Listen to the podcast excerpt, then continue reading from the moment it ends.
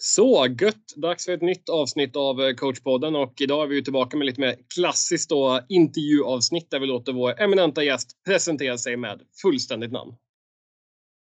Ja, eh, Ludvig Tobias Eriksson. Ålder? 23. Bor? Eh, Kalmar. Det var ganska nyligen du flyttade till Kalmar va? Mm.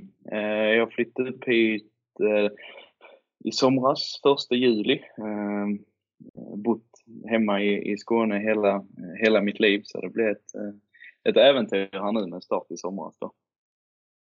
Vad är moderklubben då? Det behöver inte vara specifikt en innebandyklubb, men där du börjar idrotta? Ja, men det är ju Hjärnarps IBK. Eh, det är en, en liten by eh, utanför Ängelholm i nordvästra Skåne. Där blev det Ehm, där blev det och då var det innebandy och sen var det lite fotboll också eh, i samma by. Det är väl det man har, har eh, börjat med och hållit fast vid också. Liksom. Jag tänker då favoritlag, och det kan ju vara som sagt alla sporter, men lag du följer lite extra för du känner att det finns någonting som är kul och liksom berör? Mm, men jag har väl, jag har väl två framför allt. Eh, hockey så är det ju Rögle, Rögle BK. Mm, det är, är, inget snack, det har det varit sedan början. Eh, och sen har jag ju i fotbollen så är det Liverpool. Det är samma där. Det var, pappa höll på Liverpool eh, och det blev man inbankad sen, sen födseln att det var Liverpool som gällde. Så det är väl, det är väl de två jag följer lite extra. Det är spännande med Rögle. De har ju verkligen gjort en eh, brutalt häftig resa under de senaste åren. Har gått från en klassisk jojo-klubb som hoppar lite mellan allsvenskan och SHL till att liksom verkligen gå upp som topplag, men ganska tungt i år. Ja, men det är ju eh, det, det som du säger, det har varit, eh, det har varit lite roligare nu de senaste åren att eh, hålla koll och, och kolla tabeller och sånt. Men nu är det ju, jag vet inte, det, nu är man ju en typisk soffexpert, men jag, jag var lite skeptisk redan från början. De går ju mycket på det, det enbart det unga och, och talangspåret. Och den balansen har väl varit lite sådär, så har de inte riktigt lyckats. Men vi kommer igen, vi kommer igen. Man citerar ju många hockeypoddar nu så det är inte, det är inte min analys men det har väl också varit så att de gick väl lite i fälla att man har övervärderat marknaden och vilka spelare som skulle kunna vara tillgängliga och tänkt att vi kanske inte måste ha de här brutala mm. spetsspelarna för vi kommer hitta dem lite senare under säsongen och kunna ta in dem då. Men marknaden har ju varit eh, extremt dålig. Ja, och, och sen är väl också, jag, jag har en, eh, en gammal, eh, gammal chef som är, är nära vän till, till de som styr det där nu. Och Ehm, han pratar väl, där får man höra lite grann mer på djupet hur, hur de tänker med, med scouting och vad det är för någonting de ska plocka in och det är ju eh, väldigt noggrant och, och, det, är inte någon, det är inte någon HV71 som plockar in första bästa som de bara hittar liksom, om man säger så. Men det är kul och det, jag tycker det är väldigt roligt att följa de här lagen över tid. Jag har sagt många av som tidigare att jag är Frölunda-supporter och det har man också känt att det varit tuffa år. Liksom. Men då tycker man ju tufft då är när inte de vinner guld. Men det är ändå imponerande liksom, att man har en ledarstab som har jobbat under så pass lång tid. Och liksom att man ändå håller sig i toppen under så många år. Så att, nej, det är jäkligt spännande ja. att följa just uh, hockeyn utifrån... Uh, det är väl det man drömmer om att innebandyn ska nå dit kanske. Mm, exakt. Rent exakt. ekonomiskt då i alla fall, inte i andra aspekter. Men uh, ja. ekonomiskt. Ja. Om vi går över lite mer då på innebandyn, att eh, liksom det här ledarspåret, liksom, när dök det upp att du skulle bli coach i innebandy? Alltså, eh, jag vet ju, det började väldigt tidigt. Eh, jag och en, en nära kompis eh, som spelade tillsammans och, och känt varandra i princip hela livet. Vi, ja, men det fattades, fattades tränare, som många andra så fattades det tränare till min lillebrors lag. Och jag tror vi var 14-15 då bara. Liksom, och han är fyra år yngre så de var väl 10-11. Eh, och, och, då bara började med att vi, ja, men vi, vi tog dem och så körde vi vår, vår grej liksom, eh, som vi knappt vet, vet vad det var. eh, och där började väl, körde de ett år där, sen så spelade jag eh, klart min juniorkarriär och, och så här själv, eh, som inte är någon, någonting att skryta om. Eh, och, och sen blev det väl bara att eh, återigen lillebrors lag fast i en annan förening som saknade tränare och, och, då var jag ju 18, 19, eh, så, nej 18. Eh, och, då var man väl lite mer liksom, då kände man att fan det här, det här kan ju, kan ju faktiskt vara någonting roligt att, att köra på när man eh, hade funderat ut att jag lär inte bli någon vettig spelare. Liksom. så, så där började väl på det spåret och sen har man egentligen bara fått gnugga sig igenom några år och, och ja, pluggat mycket, lärt sig mycket, skaffat sig erfarenheter och ja, idag sitter vi här. Ja men verkligen, jag kan ju bara relatera till precis allt du beskriver. Jag har ju gått samma resa där mm. man har fått plugga sig till kunskaper. Det är ju vissa som har spelat på hög nivå liksom, de har ju mer hantverket i sig liksom, men eh, jag tycker det är kul också liksom, att det är fler som tar den resan och det är det som är fint med sport också, att du kan ju komma fram på många olika sätt liksom, oavsett om det är som spelare, ledare eller domare liksom, men att våga testa mm. parallella spår tidigt och nej, extremt roligt. Eh, men om du tänker då vad du gör i innebandyn idag, vad, vad har du för roller då du är verksam idag? Eh, jag, min, eh, min huvudroll, eller vad man ska säga, det, då är jag assisterande tränare i FBC Kalmarsunds dam SSL. Ehm, eh, och jag är även, eh, vad säger man, distriktslagskapten eller huvudtränare, någon säger förbundskapten, allt vad det är, eh, för, för Skånelaget pojkar 16, alltså födda 06. Så vi ska på SM här nu i januari. Ehm, det är väl det, det, är det jag gör just nu. Skönt är att det SM spelas i Nyköping och inte i Umeå. Det, det är extremt skönt. Eh, det, det, är väldigt, väldigt skönt. Jag har en gammal tränarkollega som haft Skånelaget tidigare och, och har eh, nötat igenom den här bussfärden och, och den är väl eh, sådär. Eh, så, så nej, det ska vara skönt att det är lite mer centrerat eh, i år. Och distriktslags-SM är ju kul. Vad har du för erfarenheter? Har du kollat på några tidigare SM? Eh, inte på plats, eh, det har jag faktiskt inte. Eh, det har ju bara varit en sån grej som man har följt lite grann. Jag har kollat lite grann på alltså, vad ska man säga, sändningar liksom. Och sen ser man ju alla inslag från, från förbunden och från svenska och, och så här. Så det blir ju liksom, utan att jag vet för mycket så, så ja, det man förstår är det blir det ju en, en folkfest på så, så vis. Liksom mycket folk, mycket, mycket liv, mycket, ja, mycket exponering liksom. Både för, för spelare och för in, innebandyn överlag. Liksom. Jag tyckte det var kul för jag har åkt på ganska många SM nu som liten hobbyanalytiker, suttit på läktaren och fått, eh, fått bilda mig en uppfattning. Men det var ganska intressant sist för jag och Max Bruce som är förra avsnittet, vi snackade ju ganska mycket om mm. att vi tyckte att det här, framförallt på killsidan blev det väldigt statiskt 05-ornas SM och många lag som spelar lite lägre och var lite mer 2-2-1 inriktade mm. eller om man spelar 2-2 med högerstyrning. Men det ska bli spännande att se om den trenden håller i sig även på 06. Men eh, har du någon koll på de andra distrikten? Är det något eh, lag du vet liksom är starka? Eh, nej men nu mötte vi ju, eh, det är ju en liten tradition att vi kör en, en liten träningsturnering med, med Skåne, Halland och Västsvenska. Så den hade vi här i Varberg för, för ett par veckor sedan. Och Eh, Eh, men det, det är ju mycket så 2-2-1, eh, en som springer och jagar lite grann och så ser man vad som händer. Eh, och eh, ja, men Jag tyckte västsvenska är bra, eh, tycker jag. Den har väl annars, annars pratats ner lite, den här 06-kullen i västsvenska, men jag tyckte faktiskt de var rätt så fina. Annars har jag, har jag på tok för dålig koll om jag ska vara helt ärlig. Men det är klart man, man, man hör några individer, man, man har koll på några spelare men mm. eh, mycket mer än så det, det vet jag faktiskt inte. Nej, och det är ju svårscoutat. Det ska ju sägas också att i och med att det är väldigt svårt att få till träningar och matcher med distriktslagen utifrån spelarna har väldigt hög klubblagsuppväxling i den åldern. Då blir det ju också mm. kanske ganska rimligt att man jobbar med att sätta defensiven och tänker att offensiven får komma lite på köpet. Så jag förstår ju också att lagen blir defensivt inriktade utifrån eh, tidsaspekten också. Ja men så är det. Så är det. Och vi har ju liksom, ja, det, det, funkar ju inte exakt likadant överallt men jag vet vi har liksom eh, vad är det, fyra uttagningar. Då går man från ja, alla anmälda till ett uttaget lag på de här fyra, fem gångerna. Liksom. Och, ja, sen har man väl 8-10 tillfällen med laget och det som du säger, det, det trycks in en vardagskväll här och, och lite så. Och, ja, eh, i den åldern är det precis börjat gymnasium och mycket plugg och mycket annat som ska in också. Så, så man kan inte säga att man kanske får eh, tio högkvalitativa tillfällen men, eh, men det är väl någonting sånt man, man ser liksom. Eh, och ja, då blir det ju begränsat också såklart. Precis, och det är ju spännande att diskutera just när, när det hade varit optimalt att spela om det skulle vara något år tidigare när man går i nian och kanske blir en avslutning på ungdomsåren och kanske upplevelsen som utövare större medans eh, höjer man till 17 så kanske innebandykvaliteten, många har utvecklats mer som spelare vilket skulle kunna göra att eh, innebandykvaliteten kommer högre men eh, Ja, det, mm. det, är väl en fråga som tål att debatteras. Jag har inte har du hunnit bilda någon uppfattning där vad du, vad du tänker om vilket, när SM borde spelas?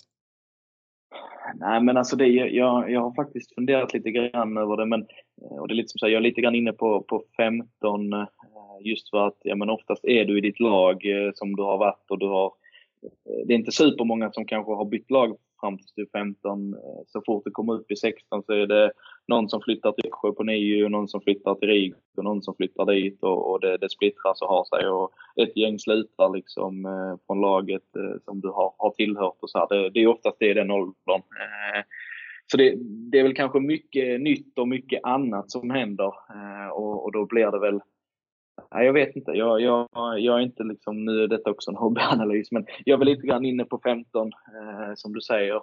Sen samtidigt 17 intressant för då har de fått vänja sig vid allt det här som, som vi säger händer när de är 16 eh, och, och kvaliteten har förhoppningsvis blivit bättre. Så eh, jag säger 15 och 17 då. Ja, men det var en bra helgardering. Det funkar alltid. Eh, det som kan tala för 15 också är ju att för varje år som går så minskar vi ju antalet spelare, vilket är tråkigt. Men tyvärr så, så ser verkligheten ut. Så att om vi skulle utgå från att vi har 100 licensierade spelare som ger upp om platserna med 16, då kanske det hade varit 130 som hade sökt om de var 15.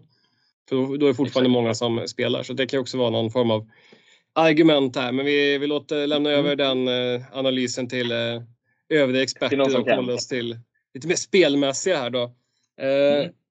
Och det är ju intressant att komma in på Kalmarsund. Det är ju en eh, förening som också gjort en jäkligt spännande resa. Jag var med på den tiden när de fortfarande hette Färjestaden där och eh, framförallt var starka på killsidan. Och, eh, mm.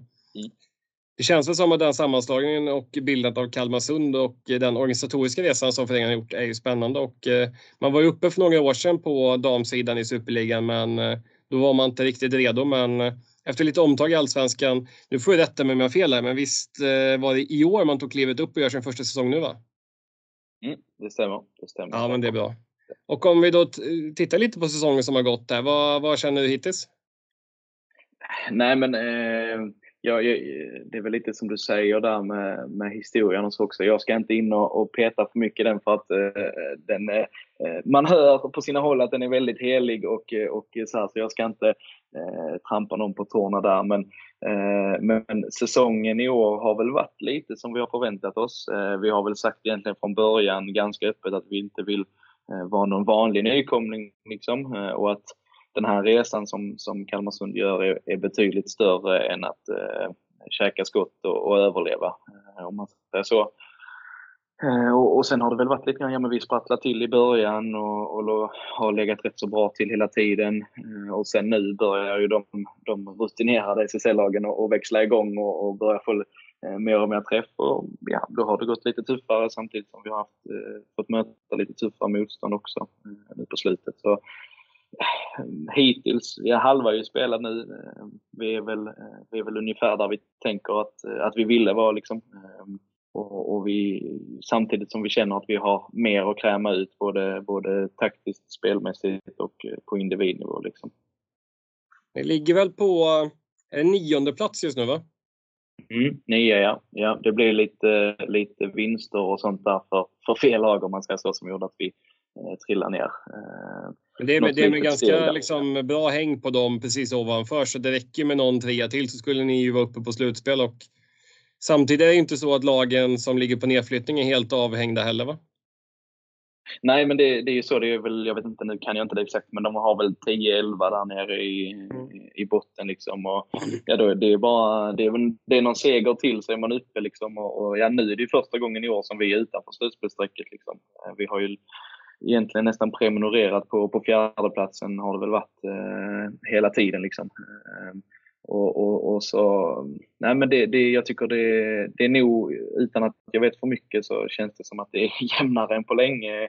Det, det, det är väl som man har tänkt sig, Torén, Pixbo, eh, Rönnby som rycker lite i toppen. Eh, och, och sen är det ganska öppet därefter liksom och det är extremt roligt. Ja, det är ju kul också. Man får ju verkligen säga att eh, det är ju kul också när nykomlingar kommer upp och direkt presterar så att det inte blir den här klassiska att de två nykomlingarna är de som bara är uppe och vänder liksom. Och ni är ju inte en vanlig nykomling med tanke på den satsningen ni gjort och de spelarna jag plockat in. Det är ju ett, eh, för att vara nykomling så är det ju väldigt starkt att kunna värva färdiga och etablerade spelare som Moa Köpp och Matilda Sjödin till exempel. Mm, mm. Nej, som kommer redan i Allsvenskan väl... ska jag flika in också. Ja, ja men precis. Nej, men det, det är lite som du säger, att, eh, och det var lite det jag menade, att den här resan är betydligt större än att bara överleva eh, i år. Liksom. Och vi har ju ett, ett, eh, ett spel som kanske inte är jättenykomlingslikt, men, men vi är helt övertygade om att det är det som kommer att ta oss framåt för, för vad vi vill om, om ett, två och tre år. Liksom. Verkligen. Så, så nej, det, det, är klart att vi har, har namnkunnigt på, på sina sina ställen absolut och det, det hjälper oss på traven såklart. Utan att avslöja några delikata yrkeshemligheter, men om du skulle beskriva ert spel lite liksom i grova ordalag, vad, vilken innebandy vill ni stå för? Ja men eh, vi, vi hade faktiskt den här diskussionen när vi mötte Malmö, för jag, Eh, Malmös tränare, assisterande tränare har jag tränat med eh, tidigare. Eh, och vi körde någon sån här, vi kommer från samma klubb så det var massa flicklag därifrån som vi var och pratade med. Och så så då, då, då hade vi lite samma grej där, vi ville ju prata om oss själva utan att utan att eh, vad ska man säga, avslöja för mycket detaljer. Men det, vi, det jag sa då, och det jag tycker passar rätt så bra, är att vi, en, eh, vi inte är en vanlig nykomling. Vi vill gärna släppa loss, vi vill gärna bjuda ut till, till dans liksom. Och, och, och inte bara lämna över taktpinnen till vilket motstånd vi än möter. Eh, samtidigt som vi vill ju känna en ödmjukhet eh, på att vi har ett, ett gäng lag som är bättre än oss. Liksom. Men, eh, nej, men vi, vi är uppe och kör gärna. Eh, vi kan använda oss lite av en, av en hög press eh, som vi gör mellan varven och, och så. Eh, så så nej, det, jag tycker väl att vi, vi spelar en, eller vi, vi åtminstone strävar efter att spela en ganska modern innebandy med allt det här man pratar om, att anfalla med fyra och, ett, två, två och allt vad det heter. Liksom. Så det, det är väl något åt det hållet. Samtidigt som vi har lite offensiva kvaliteter som kan bjuda på lite, lite skoj i den sista tredjedelen. Utifrån den målsättning ni har satt här inför säsongen, vad känner du att ni behöver utveckla eller jobba med för att eh, kunna klara den målsättningen? Um, ett, en återkommande grej som vi, som vi jobbar varje dag med är väl just det här lite grann med, med antingen eller och, och vår beslutsamhet väl, eh, i vårt spel överlag. Um, just eftersom vi, vi kan pressa högt men vi kan också stå lågt så, så är den, det är väldigt viktigt att vi gör antingen eller och inte hamnar mitt emellan för i, i SSL, oavsett om det är herr eller dam, så eh, finns det så pass skickliga spelare som, som utnyttjar det liksom, eh, och ser det. Och då, då blir det oftast mål bakåt. Eh, så, så det är väl, sett till, sett till målsättning så är det väl framförallt det. Vi behöver kunna stänga igen lite bättre. Och det, det behöver inte bara vara att vi ska backa hem utan det handlar också om att vi ska kunna stänga igen det när vi ska vinna boll högt och, och så här. Liksom. Vi blir lite passiva ibland och det är väl det vi framförallt känner att vi vill rätta till nu sista halvan. Och det här med att kunna bli lite passiv ibland, det är ett ganska vanligt fenomen det skulle jag säga. Det ser man på väldigt många lag. Men eh, tränar ni någonting i sådana här moment där man liksom kanske själv måste ta beslut ute i övningar eller i spelformer? Ja, men vi, vi har ju ett gäng, eh, ett gäng sådana övningar för det. Det är lite som du säger där att vi, eh, det går ju inte bara att prata om utan det måste också sättas, eh, sättas i de här situationerna varje vecka. Liksom. Och det är ju ja, men det är allt från att en, en passningsövning där du har press på dig som bollhållare till en, en omställningsövning där, där du har ett, två, tre alternativ du kan spela men att det är någon någon liten motståndare däremellan också som kan eh, stänga något av dem. Liksom. Eh, så, så det är väl någonting vi verkligen försöker hitta det syftet med, med allt vi gör i veckorna egentligen. Eh, att det ska verkligen ge oss någonting i, i både eh, vad vi behöver rätta till här och nu men också för att utveckla eh, spelare och, och laget i, i, sin helhet liksom, i det långa loppet. Absolut. Hur många dagar i veckan eh, tränar ni? Om du tänker, finns det någon så här generell. Det kan ju vara att man anpassar lite beroende på liksom om det är vardagsmatch eller så. Men eh, en vanlig vecka, var, hur många träningar kan det vara? Ja men eh, vi kan ju ta denna vecka nu. Nu har vi söndagsmatch. Det är i och för sig inte, inte det vanligaste. Men, men eh, nu när vi har match på söndag. Eh, så tränar vi innebandy måndag, eh, det är alltid fys tisdag, innebandy onsdag, torsdag. Sen är de fria fredag och så kör vi en, ja, en timmes träning ungefär på, på lördag förmiddag där. Mer för att, ja, det är det, det klassiska, lite powerplay, boxplay och, och mer bara så. Lite långbyxeträning nästan liksom. Så, eh, men en vanlig vecka när det är match lördag så är det ju egentligen bara att du tar bort, tar bort passet på, eh, på lördagen där och, och det blir match istället. Så det är väl en, minst tre gånger innebandy, eh, ett fyspass tillsammans och sen är det vissa som har lite individuellt som har ytterligare ett. Och, så säg, säg fyra, fem träningar i veckan och, och en match. Jag gillar ju det här lördagspasset som du beskrev, mjukisbyxor också. Att uh, kunna komma ner, komma upp i tid, lira lite innebandy och sen har man liksom hela eftermiddagen fri och kanske dra ihop ett gäng och då är lunch på stan där. Det är ju bra grej. Mm. Det är fantastiskt. Det är mycket bra. Inför det som någon sån här är inte vissa basketlag, de har väl någon sån här helig matchdag. Vi har en hela mjukisbyxträningen på lördagar. Exakt. Nej, det är bra. Det är ju kul också om man tittar på Superligan för det är ju många tuffa, heta, jämna matcher som du beskrev. Det tycker jag också är fantastiskt kul för det, man såg ju här, Lund var ju nära på att sno poäng av Thorengruppen och att liksom det verkligen blir tuffa, heta, tajta matcher och alla kan utmana alla.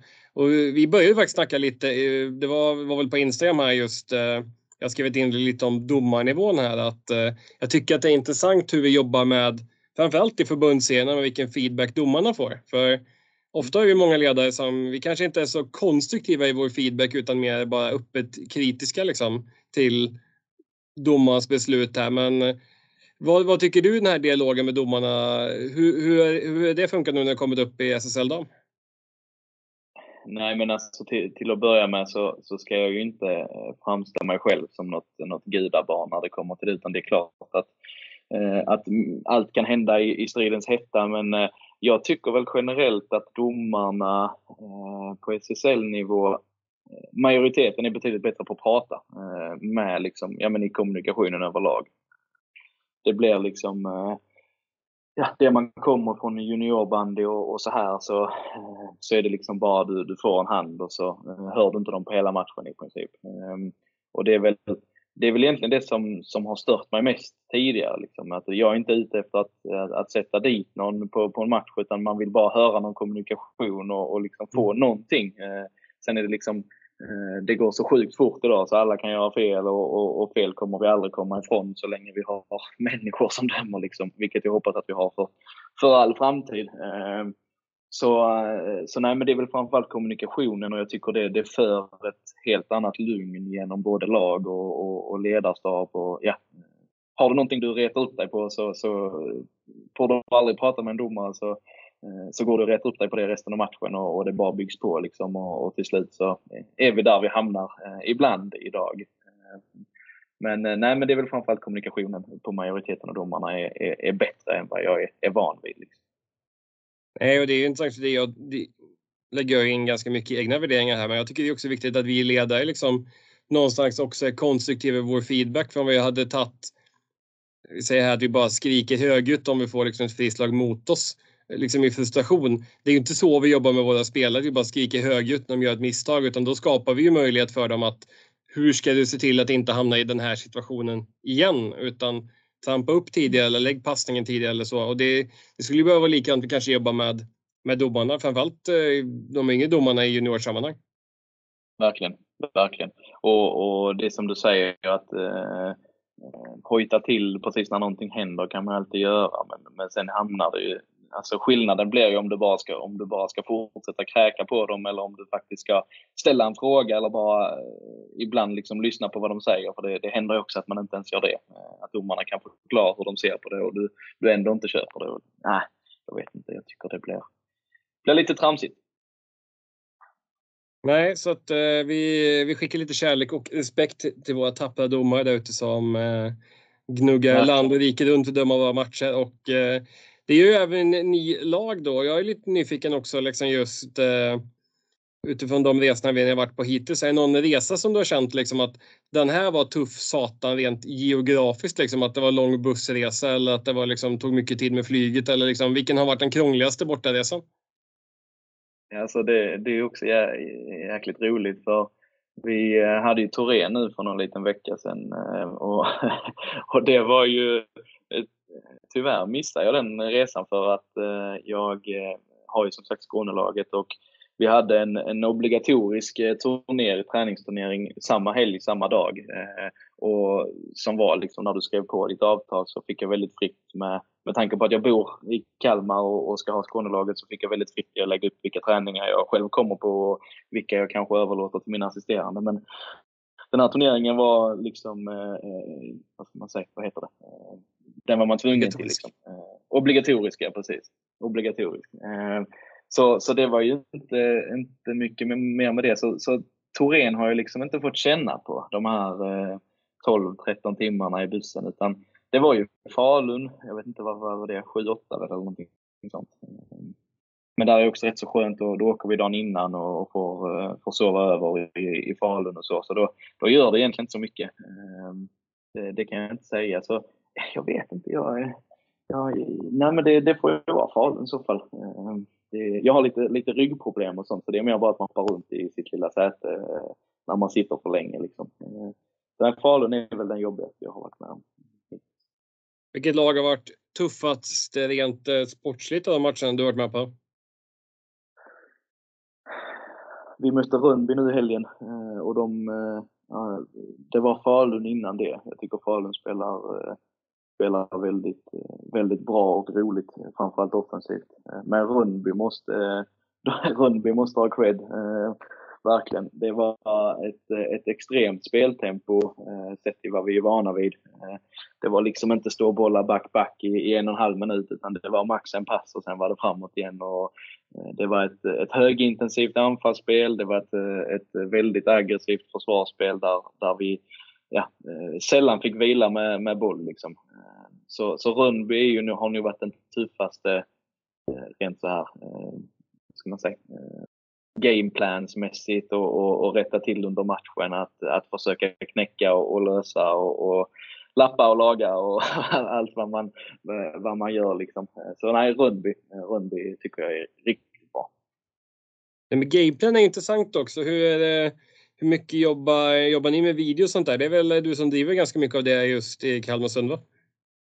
Ja, eh, ja men jag sköter ju, nu har jag ju bara massa, massa gamla gubbar runt mig. Nej men det är, de säger bara att jag kan inte, jag, jag, jag kan inte sånt. Så, så det, har, det har landat på mitt bord. Och det är väl lite grann att jag plockar fram klippen liksom och, och kollar väl majoriteten av matcherna. Men sen så kommer vi ju fram till någonting eh, tillsammans, jag och, och Victor Sheffield då, som huvudtränare. Att vad vi vill hålla lite extra öga på. Så han, han kollar ju väldigt mycket matcher men sen, sen tar det stopp där. Liksom. Han klarar inte av att, att klippa och ha sig. Så, så, så den biten får jag stå för. Eh, och det är ju, ja men det, jag tycker det är väldigt intressant för jag har inte gjort supermycket av det innan. Eh, men det blir ju en, en annan dimension liksom i, i förberedelseväg också. Eh, både för sig själv och man kan se olika varianter eller olika mönster som man vill kanske ha kvar i rock, rockarmen också inför match. Liksom. Så, så nej, men det är alltid, vi, vi går alltid igenom eh, helgens motstånd. Eh, det är alltid både offensivt, defensivt, eh, PP, BP. Det är väl det som, eh, det är lite upplagt för vad spelarna vill ha liksom, och vad de känner är, är mat, eh, matigt. Utan att... Nej men det är lite upplagt för, eh, för, för vad spelarna vill ha och vad de tycker är, är matnyttigt för, för, i sin egen förberedelse. Liksom ehm, vi är, väl, vi är väl inget fan av för lite och vi är inget fan av för mycket så att man, eh, risken är ju om det blir för mycket att du glömmer kanske vad du själv ska, ska stå för. Liksom. Ehm, så det är väl en, en liten balansgång där. Men vi, vi kollar varje vecka, alla motstånd. Jobbar ni någonting med statistik under matchens gång? Ja, vi har lite, nu har vi ju har vi haft lite, vi har lite långtidsskador och sånt som har blivit en, blev en liten snackis där i början på, på säsongen och vi har ju lite korsband och sånt som vi, som vi tar hjälp av eh, de spelarna under matchen och då är det lite grann, eh, ja men vi, vi räknar framförallt dueller. Eh, det är väl någonting vi har poängterat som väldigt viktigt som, som nykomling liksom. För duellspelet är ju en, en nivå upp, om, en, ja, om ens det, det kan till och med två nivåer upp. och sen även lite grann hur vi tar oss in i A-zon, alltså i, i slottet eller vad man vill kalla det. Hur vi spelar oss dit och, och varifrån vi oftast kommer. Är det, är det från, från fickan eller är det bakom mål vi, vi letar in bollen och, och så här. Eh, lite sån statistik och, och sen den klassiska bara eh, ren, rena avslut på mål. Liksom. Eh, det är väl det vi gör framförallt under matchens gång. För det är ju intressant med statistiken att eh, om man upplever liksom att den är verklighetsförankrad. Det är klart att den är verklighetsförankrad men eh, ibland kan man ju luras lite av att eh, någonting ser bra ut statistiskt. Att något, någon formation går skitstatistiskt men de gör alla mål framåt. Mm. Ja, det, jag kan säga det har hänt mer än en gång också att man eh, kommer in i, i eh, ledarrummet i paus och så är man frustrerad på antingen om det är hela laget eller någon viss formation och, och så här som man inte tycker träffar och, och sen så tittar man så vad fan de ligger kanske bäst till och, och likadant på andra hållet att att eh, någon man tycker har varit bra och sen när du kollar siffrorna så oj, de har förlorat, eh, de har förlorat sex av åtta dueller liksom, eller, eller vad det nu kan vara.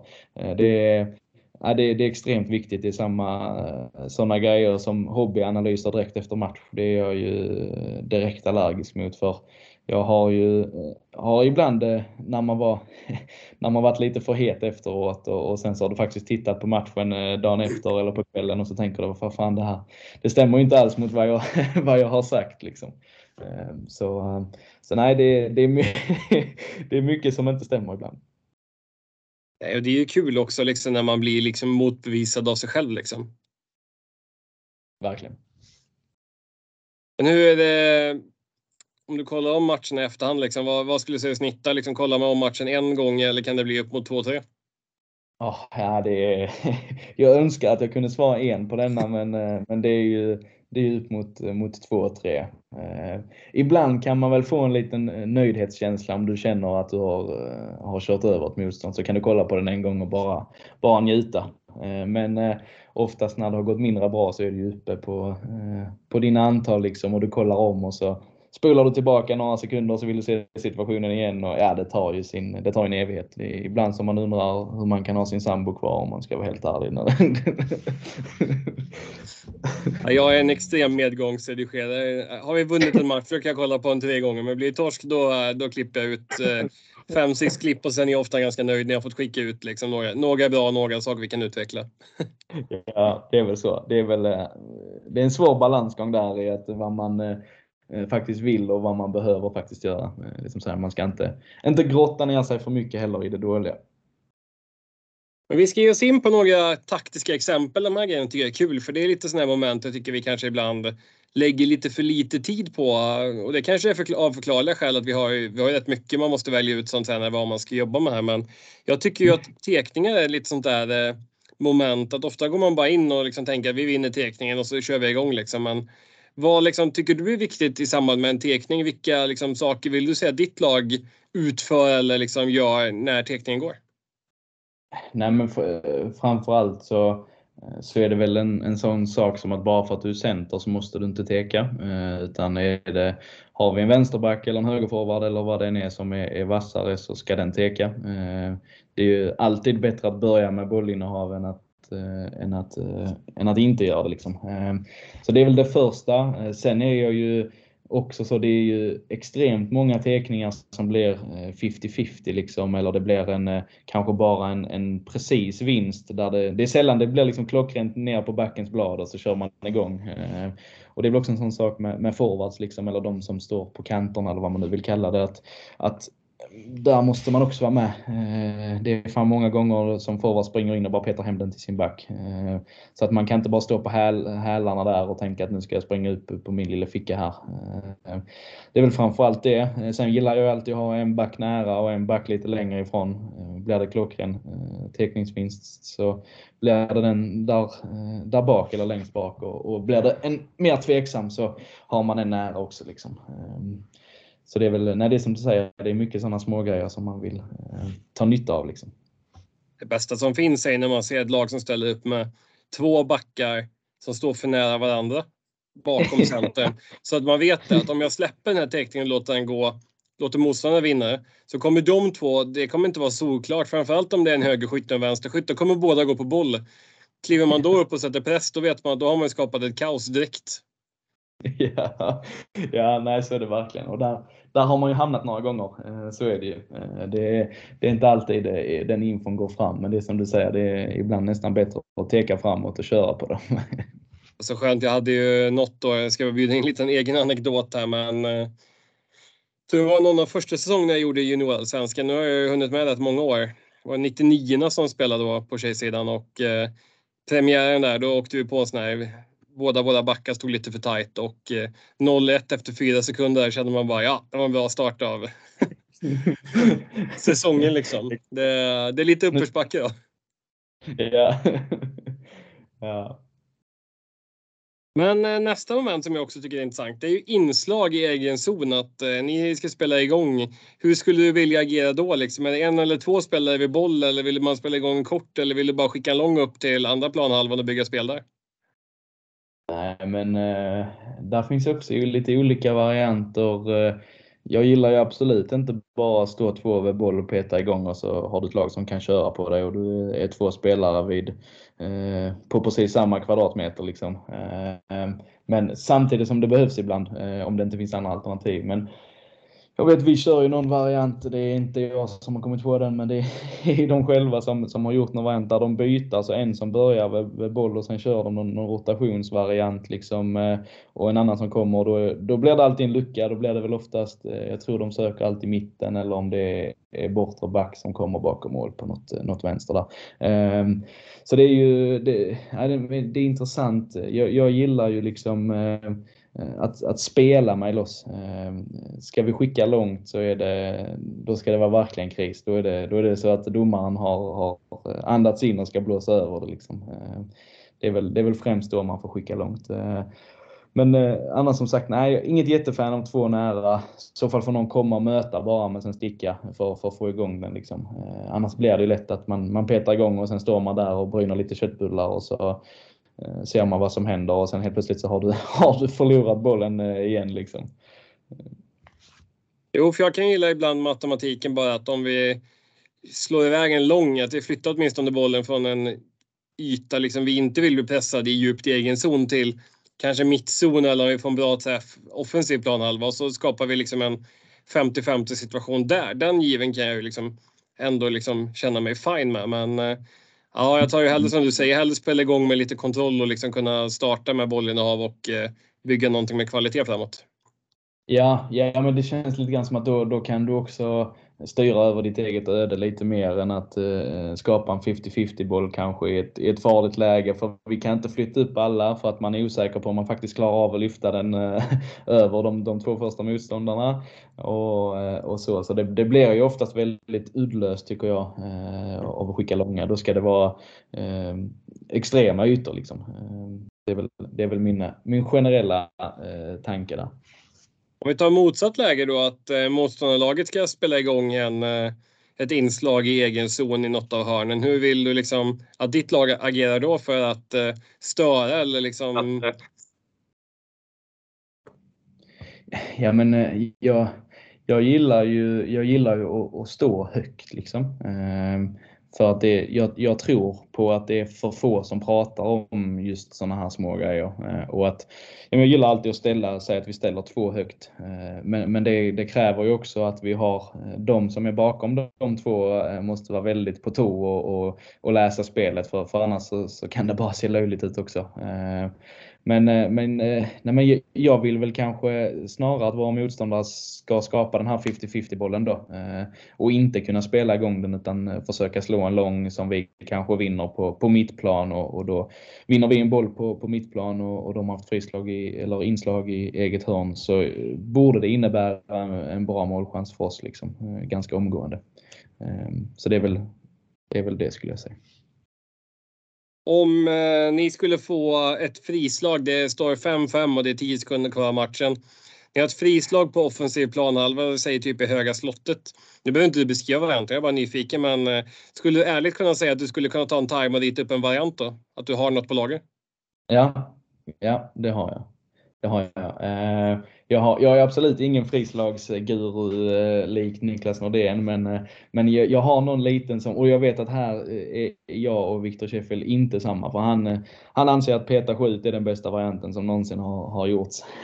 och, och, och, det funkar ju faktiskt ibland, men jag tycker ändå att, eh, att kan du få någon viss förflyttning eller, eller lura en, en motståndare lite grann så, eh, som är mer än bara eh, lyckas skjuta förbi ett täck så, eh, så anser jag att det är en, en bättre chans till mål. Liksom. Eh, sen kräver det ju alltid såklart mer att, att vår skärpa måste vara, vara på topp då också. Men jag tänker tar man en time så har du 30 sekunder både eh, andas, eh, få in de folket du vill på banan och rita en variant. Liksom.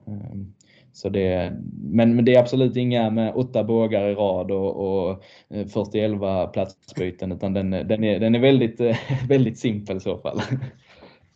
Drömscenariot här är ju att det är en helt avgörande sista kvartsfinalsmatch i en skön slutspelserie och så ser vi det när det blir frislag vid ställningen 5-5 och 10 sekunder kvar då och timeouten kommer där. Då, då, då gäller det att vi är redo. Jajamän, då får ni vara redo. Det är inte utan. En, en, annan fråga som jag tycker är intressant att diskutera det är ju liksom om man skulle tvingas att forcera det här och spela välja att plocka målvakt spela 6 mot 5. Skulle du ha en spelare som tydligt ska komma och byta när ni tappar boll för att byta in målvakt eller skulle du hellre tänka att liksom byt inte, gå på alla sex och låt dem aldrig hamna i ett läge där vi måste stoppa in målvakten igen?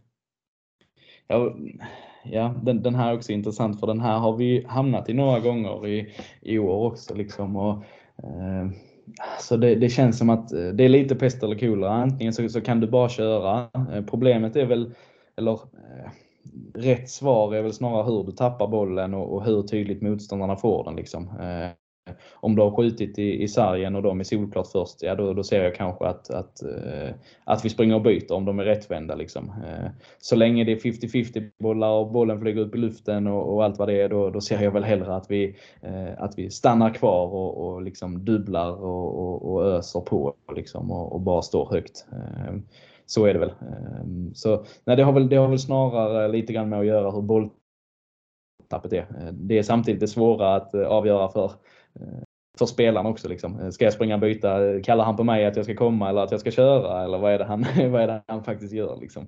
Så den, det, det, det finns risk för, för kommunikationsbrist eller vad man säger, eller missförstånd. Men Eh, nej, jag, jag, vill ändå ha det till att eh, det beror på hur vi, hur vi tappar bollen. Eller hur eh, motståndaren vinner bollen rättare sagt. Det faller ju tillbaks till att det blir ju många beslut som spelarna måste fatta ute på plan där. Svarar jag. Svarar jag. Och det leder oss in på nästa beslut här och det är att du ska ta ett par snabba beslut för då har vi några så här antingen eller frågor där du bara får välja det ena svaret. Du kan inte köra en helgardering här faktiskt utan mm. Så får vi se om det är någonting vi behöver liksom reda ut i efterhand sen med någon liten motivering eller så. Men eh, första frågan är ju då match eller träning? Match, 100 Powerplay eller boxplay? Eh, jag är powerplay-ansvarig, eh, så powerplay. Skåne eller Småland? Skåne. aj, aj, aj. Inslag eller frislag? Eh, inslag för då är våra motståndare eh, lite slappare i sitt tankesätt. Anfall eller försvar? Anfall eller försvar? Jag säger nog ändå försvar där. För det är, det är riktigt gött att käka ett skott och sen kontra in en kasse. Så här. Skåne före Småland är ju ändå intressant. Där. Det är liksom nostalgin som uh, talar. Det, det är nog det. Hemmakär mammas pojke här. Nej men det är, det är väl nog lite som du säger, så mm, jag, jag trivs superbra här och, och, och eh, det är verkligen eh, både, både civilt och med innebandyn i, i förening och allt vad det är. Men man har ändå levt 22 och ett halvt år ehm, hemma i, i Skåne liksom i, i sin lilla by eh, som, som är alldeles egen. Liksom. Så, så nej, det, det är ingenting som, som tar ifrån det utan där får jag faktiskt eh, där får jag ta nostalgin och, och, och hemmakärleken. Och match före träning, du var ju väldigt tydlig med att det var 100% där. Vad, är det just all tävlingsadrenalin som avgör att matchen är roligare liksom, eller vad, vad tänker du? Ja men det, det är nog det. Alltså, jag, jag, tänker att eh, allting vi gör, eh, om det är om det är så att, eh, att tränarna, eller tränarna, ja vi kan också vara på gymmet, men, men spelarna är på, på gymmet eller om det är jag som sitter och klipper en, en tisdagkväll. Liksom, allt det man gör där och, och, och, allt gnugg man har i veckorna och, och hela sommaren liksom för att komma redo kokas ju ner till, liksom, eh, till det roliga som händer på, på helgen och oftast liksom, eh, när det är match. Eh, så vi kan inte, eh, vi, vad ska man säga, ska helgen bli rolig så måste träningen såklart vara bra och, och givande och lägga mycket krut på. Men jag, jag tycker ändå matchen, för det, det är det vi alla vill åt liksom, i slutändan. Ja, jag kan inte annat än instämma. Även om jag gillar mina träningar så fan, matcherna är fina. Så det, det är svårt att komma ifrån det. Det är, det är lite känsla. Man, eh, man, eh, jag går min lilla promenad här och jag har hittat en, en, ett fint stråk på en kvart, 20 minuter som jag alltid kan, kan gå. Och så lyssnar man på sin lilla musik och, och ja, du får dina, dina rutiner där. Liksom. Det är inte bara hem från jobb och så ska du slänga i dig någonting att äta och, och sen till hallen. Liksom. Utan, eh, nej, ja, match är, är fantastiskt. Hur lång tid innan matchstart brukar du vara på plats i hallen? Eh, för jag tänker, vi har ju samling en och en halv innan. Ja, men jag försöker väl vara där. Eh, det är inte så överdrivet. Alltså, nu, det var värre innan. Nu är man ju så förberedd. Liksom, du har gjort allting redan innan. Så jag är väl där en, eh, en halvtimme innan vi ska ha genomgång. Eh, så det innebär ju typ två timmar innan match. Eh, men jag bara så känna in atmosfären och, och känna lite svettlukt och, och, så från korridoren. Liksom. Och, ja, nej, sen är man, är man rätt så redo liksom. Jag blir riktigt så här, fan matchsugen nu. Nu har inte jag match förrän på fredag här så att man får hålla sig lite men eh, fan, man, det är inte svårt att få, få igång matchpulsen här. Det är det inte. Det räcker man börjar tänka på det så eh, slår det lite extra. Och eh, för att spela match då måste man ju ha någon form av eh, uppställning här och det är nästa moment att du ska få sätta ihop din egen drömuppställning med eh, förslagsvis då en målvakt och fem utespelare sen då någon eventuell coachstab och du får egentligen välja hur fritt som helst hur du vill ta ut det här laget. Ja, men den här är ju, jag har ju hört en, en massa andra avsnitt av dessa, hur de andra har gjort. Och det är ju allt från, från vilka man har spelat med eh, till vilka man har coachat under åren och, och så här. Och eh, tar absolut ingenting ifrån Moa Köpp och de här, men det är väl eh, det är väl det häftigaste jag har coachat. Sen är det lite, lite duktiga juniorer liksom. Och det gör väl också att det är lite halvtråkigt att ta ut bara mina egna spelare som jag har just nu. Så jag, jag har valt eh, spåret lite grann eh, på spelare jag har växt upp med, eh, spelare man har liksom sett eh, när man var liten och, och, och så här. Eh, så det är ju eh, jag velade rätt så mycket på målvaktsfronten. Eh, mina två alternativ var Edling och Patrik Åhman. Eh, men jag slutar ändå med Patrik Åhman. Eh, faktiskt. Han ställer jag eh, i mål. Eh, mer för att eh, Ja, men han är också lite så känslor och sånt. Jag är lite, jag är lite känslomänniska själv också. Han, han kunde fira och ha sig. Edling han reser sig bara upp och flinar lite grann och så tycker han att det är en dag på jobbet. Liksom. Så, så det, därför föll det över på, på Patrik Åhman. Sen har jag ju backfronten, är ju, där har jag en solklar, det är Emil Johansson. Jag ställer upp en 2-1-2 förresten, det, det är det enklaste. Emil Johansson tar, tar den ena backplatsen eh, och det får han göra ihop med Matte Samuelsson. Eh, det är väl liksom nog det stabilaste vi kan plocka fram eh, i, i vad ska man säga, inom min, i min tid i alla fall. Tycker jag. Sen blev det lite internationellt på, på centerpositionen och då blir det Mika Kohonen. Den är, den är orörd i min Eh, i min bok i alla fall. Eh, utan att, eh, hoppas inte att jag har glömt någon, någon annan solklar, men, men där är inget snack. Ehm, och sen så forwardsbiten så får Galante Karlström gå på en, en högerkant. Ehm, det var liksom han jag fick av någon anledning blev det Falun när jag var liten som man höll på och ja, det var väl ja, när jag flyttade hit så, så fick Galante Karlström-tröjan hängas ner och eh, har inte kommit upp här heller. Men den har jag haft på. Det är, det är min första matchtröja fick jag när jag var, var, väldigt liten. Går absolut inte på mig idag, men eh, den har hängt med. Så han, han tar plats eh, och sen blir det ihop med Rasmus Enström. Eh, som tar den andra forwardspositionen. Och den var svår där. Eh, Kim Nilsson har man ju också liksom varit med hela tiden under sin uppväxt men men det, blir, det var mer, mer Falun och mer Galante och Enström och, och de här liksom. Allt från de feta Unihoc-pannbanden till mm. de här smågrejerna som har, ja, som sitter fast liksom. Så där har vi väl min, min sexa då. Ehm, och coacha den, jag vet inte hur mycket, hur mycket coaching den, den linan behöver egentligen. Så, så därför tänker jag att min mina, mig själv kan nog klara av det. Med en kopp kaffe i handen så är det nog bara till att slänga in dessa fem på banan och så, och så är det nog bra tror jag. Kul sen när, när de kommer ut sen och har stulit för de hamnar under press som motståndarlaget. Jag vet inte hur de ska spela sig ur där. ja, jag kan säga, jag, jag, jag säger bara in och lös det. Det är liksom ja. inte det. Jag kan nog inte lära dem någonting om jag ska vara helt ärlig. Men det är ju en häftig uppställning för det är ju verkligen liksom två, två eror som bakas ihop liksom att eh, Konen Samuelsson där, det var väl eh, möjligtvis att de var liksom som, som bäst något år tidigare innan Galanta Enström och Falun eh, var uppe och började liksom. De är väl fortfarande uppe i sin peak här men när de påbörjade den där peaken. Ja, exakt, exakt. Och, och Kohonen blev ju där. Han har ju varit i Helsingborg också så han har man ju sett lite live och, och så hört lite historier från när, när de vanliga, vanliga svenskarna som hade ett jobb också skulle ut och jobba och fick sova på bussen. Då satt finnarna där bak och, och, och höll, höll liv i det liksom. Så, så han har man sett mycket och, och han är ju en, han var ju en fantastisk eh, spelare. Liksom. Så, nej, jag känner mig trygg. Jag känner mig trygg med den här femman. Det gör jag verkligen. Eller sexan. Det roligaste jag har hört om Mikael Konen i coachsammanhang, det var ju när han spelade i Helsingborg och eh, de hade ju något sånt där talang 17 när man kallar då lite spelare från eh, närområdet.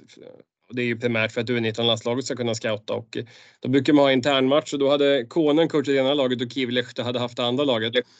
Och det hade blivit sån jäkla sjögång och eh, hets mellan lagen och liksom, de hade eldat, på, eldat upp det här till liksom en av de häftigaste innebandymatcher som eh, kanske har spelats. Eh, ja, det... något, något sånt skulle vara kul också att få se, få se här en Konen Kivilehto. Vi kanske kunde få Storvreta mot Classic här i, inom en snar framtid. Det hade varit coolt.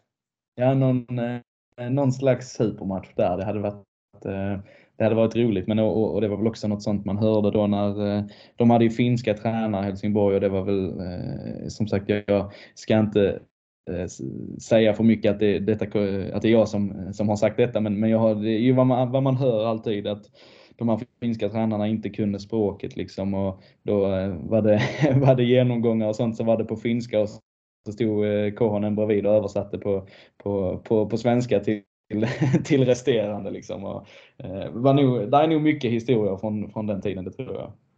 Det är lite kul nu när man har sett eh, fotbolls-VM här. Det har ju gått eh, viralt där i, från öppningsmatchen i Argentina när de förlorade mot Saudiarabien där och eh, coachen i Saudi, Hervé Renard, som då är fransman, han står väl, jag, jag kan inte säga att det är franska eller engelska han pratar, men det, det, han står ju och skriker i omklädningsrummet och sen står ju liksom eh, tolken och översätter. Och sen får ju tolken se en utskällning för att han inte översätter med ilska liksom, utan att han bara tolkar liksom likgiltigt. Utan han måste också vara arg. Exakt, exakt. Han har, jag, såg något klipp därifrån också nu. Ja, det, det, det är coolt. Och det, om jag förstod det rätt så, så har det väl varit något liknande i, i Helsingborg där på den tiden. Ja, det är ju fantastiskt.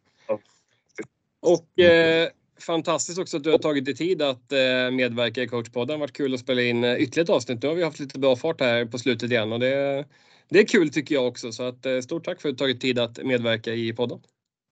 Ja, tack för att jag fick vara med och eh, grymt jobbat och eh, många, många intressanta gäster eh, som man har lyssnat på och hoppas att man får lyssna på framöver också. ska vi sannoliken se till. Vi kämpar på mot avsnitt 100.